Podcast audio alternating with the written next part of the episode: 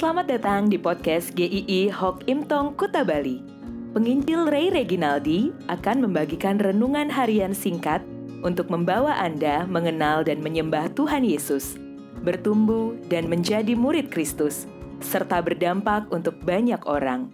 Jika Anda merasa diberkati melalui renungan ini, silahkan bagikan podcast ini agar orang lain juga diberkati.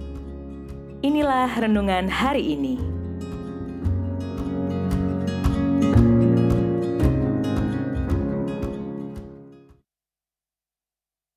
Nutrisi rohani.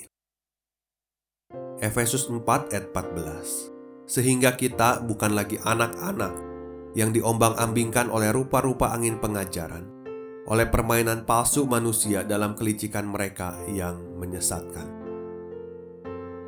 Orang-orang Kristen ada juga yang hidup kekristenannya gagal tumbuh. Dari dulu segitu saja baik tingkat pengetahuan maupun karakternya tidak ada perubahan sama sekali. Makanan rohani yang dicari hanya yang menyenangkan saja, seperti makanan yang hanya enak di lidah namun tidak menyehatkan.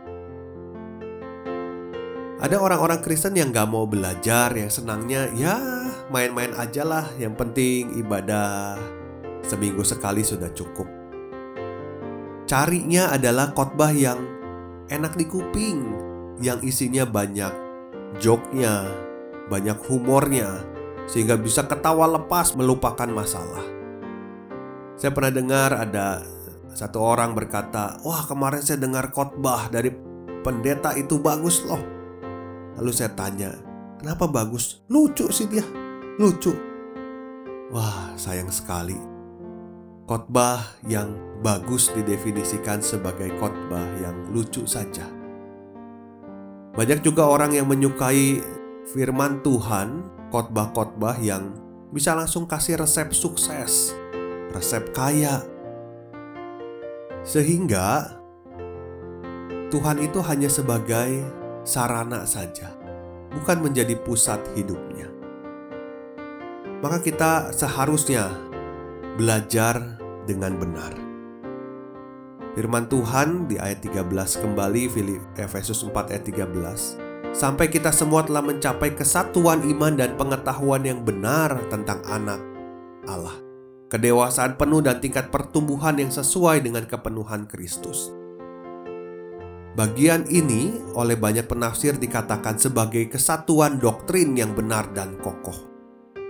Tetapi bukan hanya itu saja, tetapi ini juga tentang karakter nyambungnya pengetahuan iman dan penghayatannya dalam hidup sehari-hari.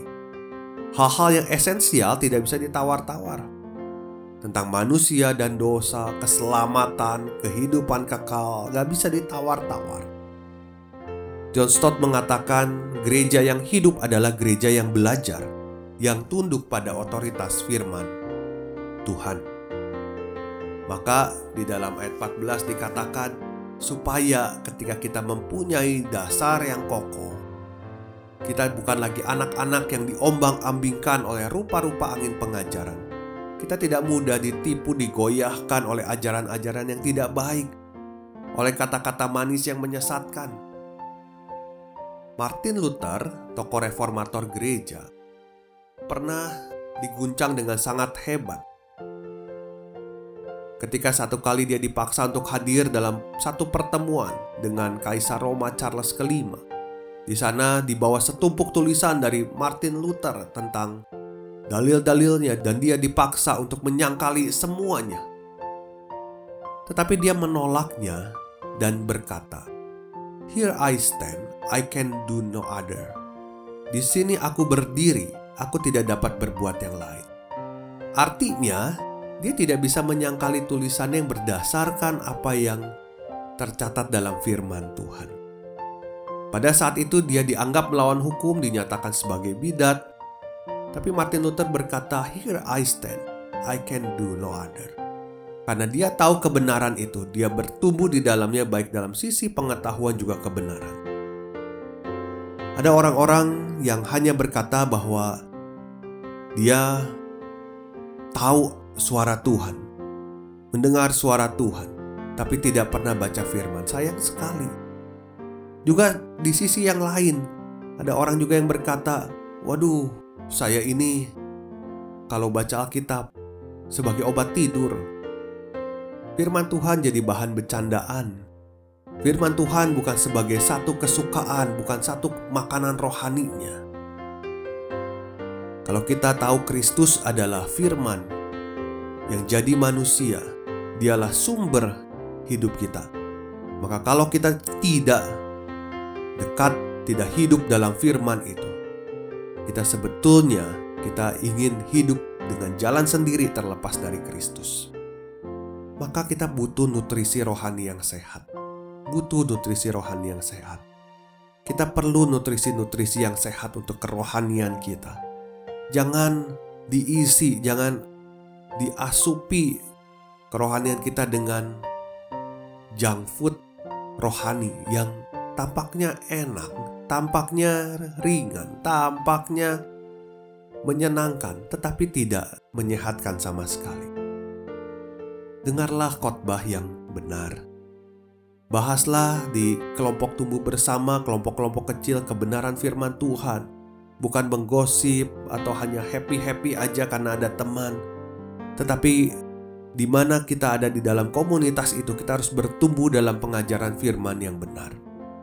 Belajar juga untuk terbuka, ditegur oleh firman Tuhan, dan rela, dan rela.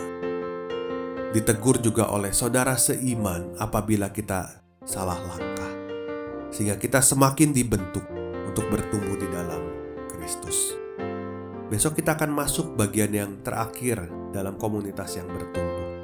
Sampai jumpa. Tuhan memberkati.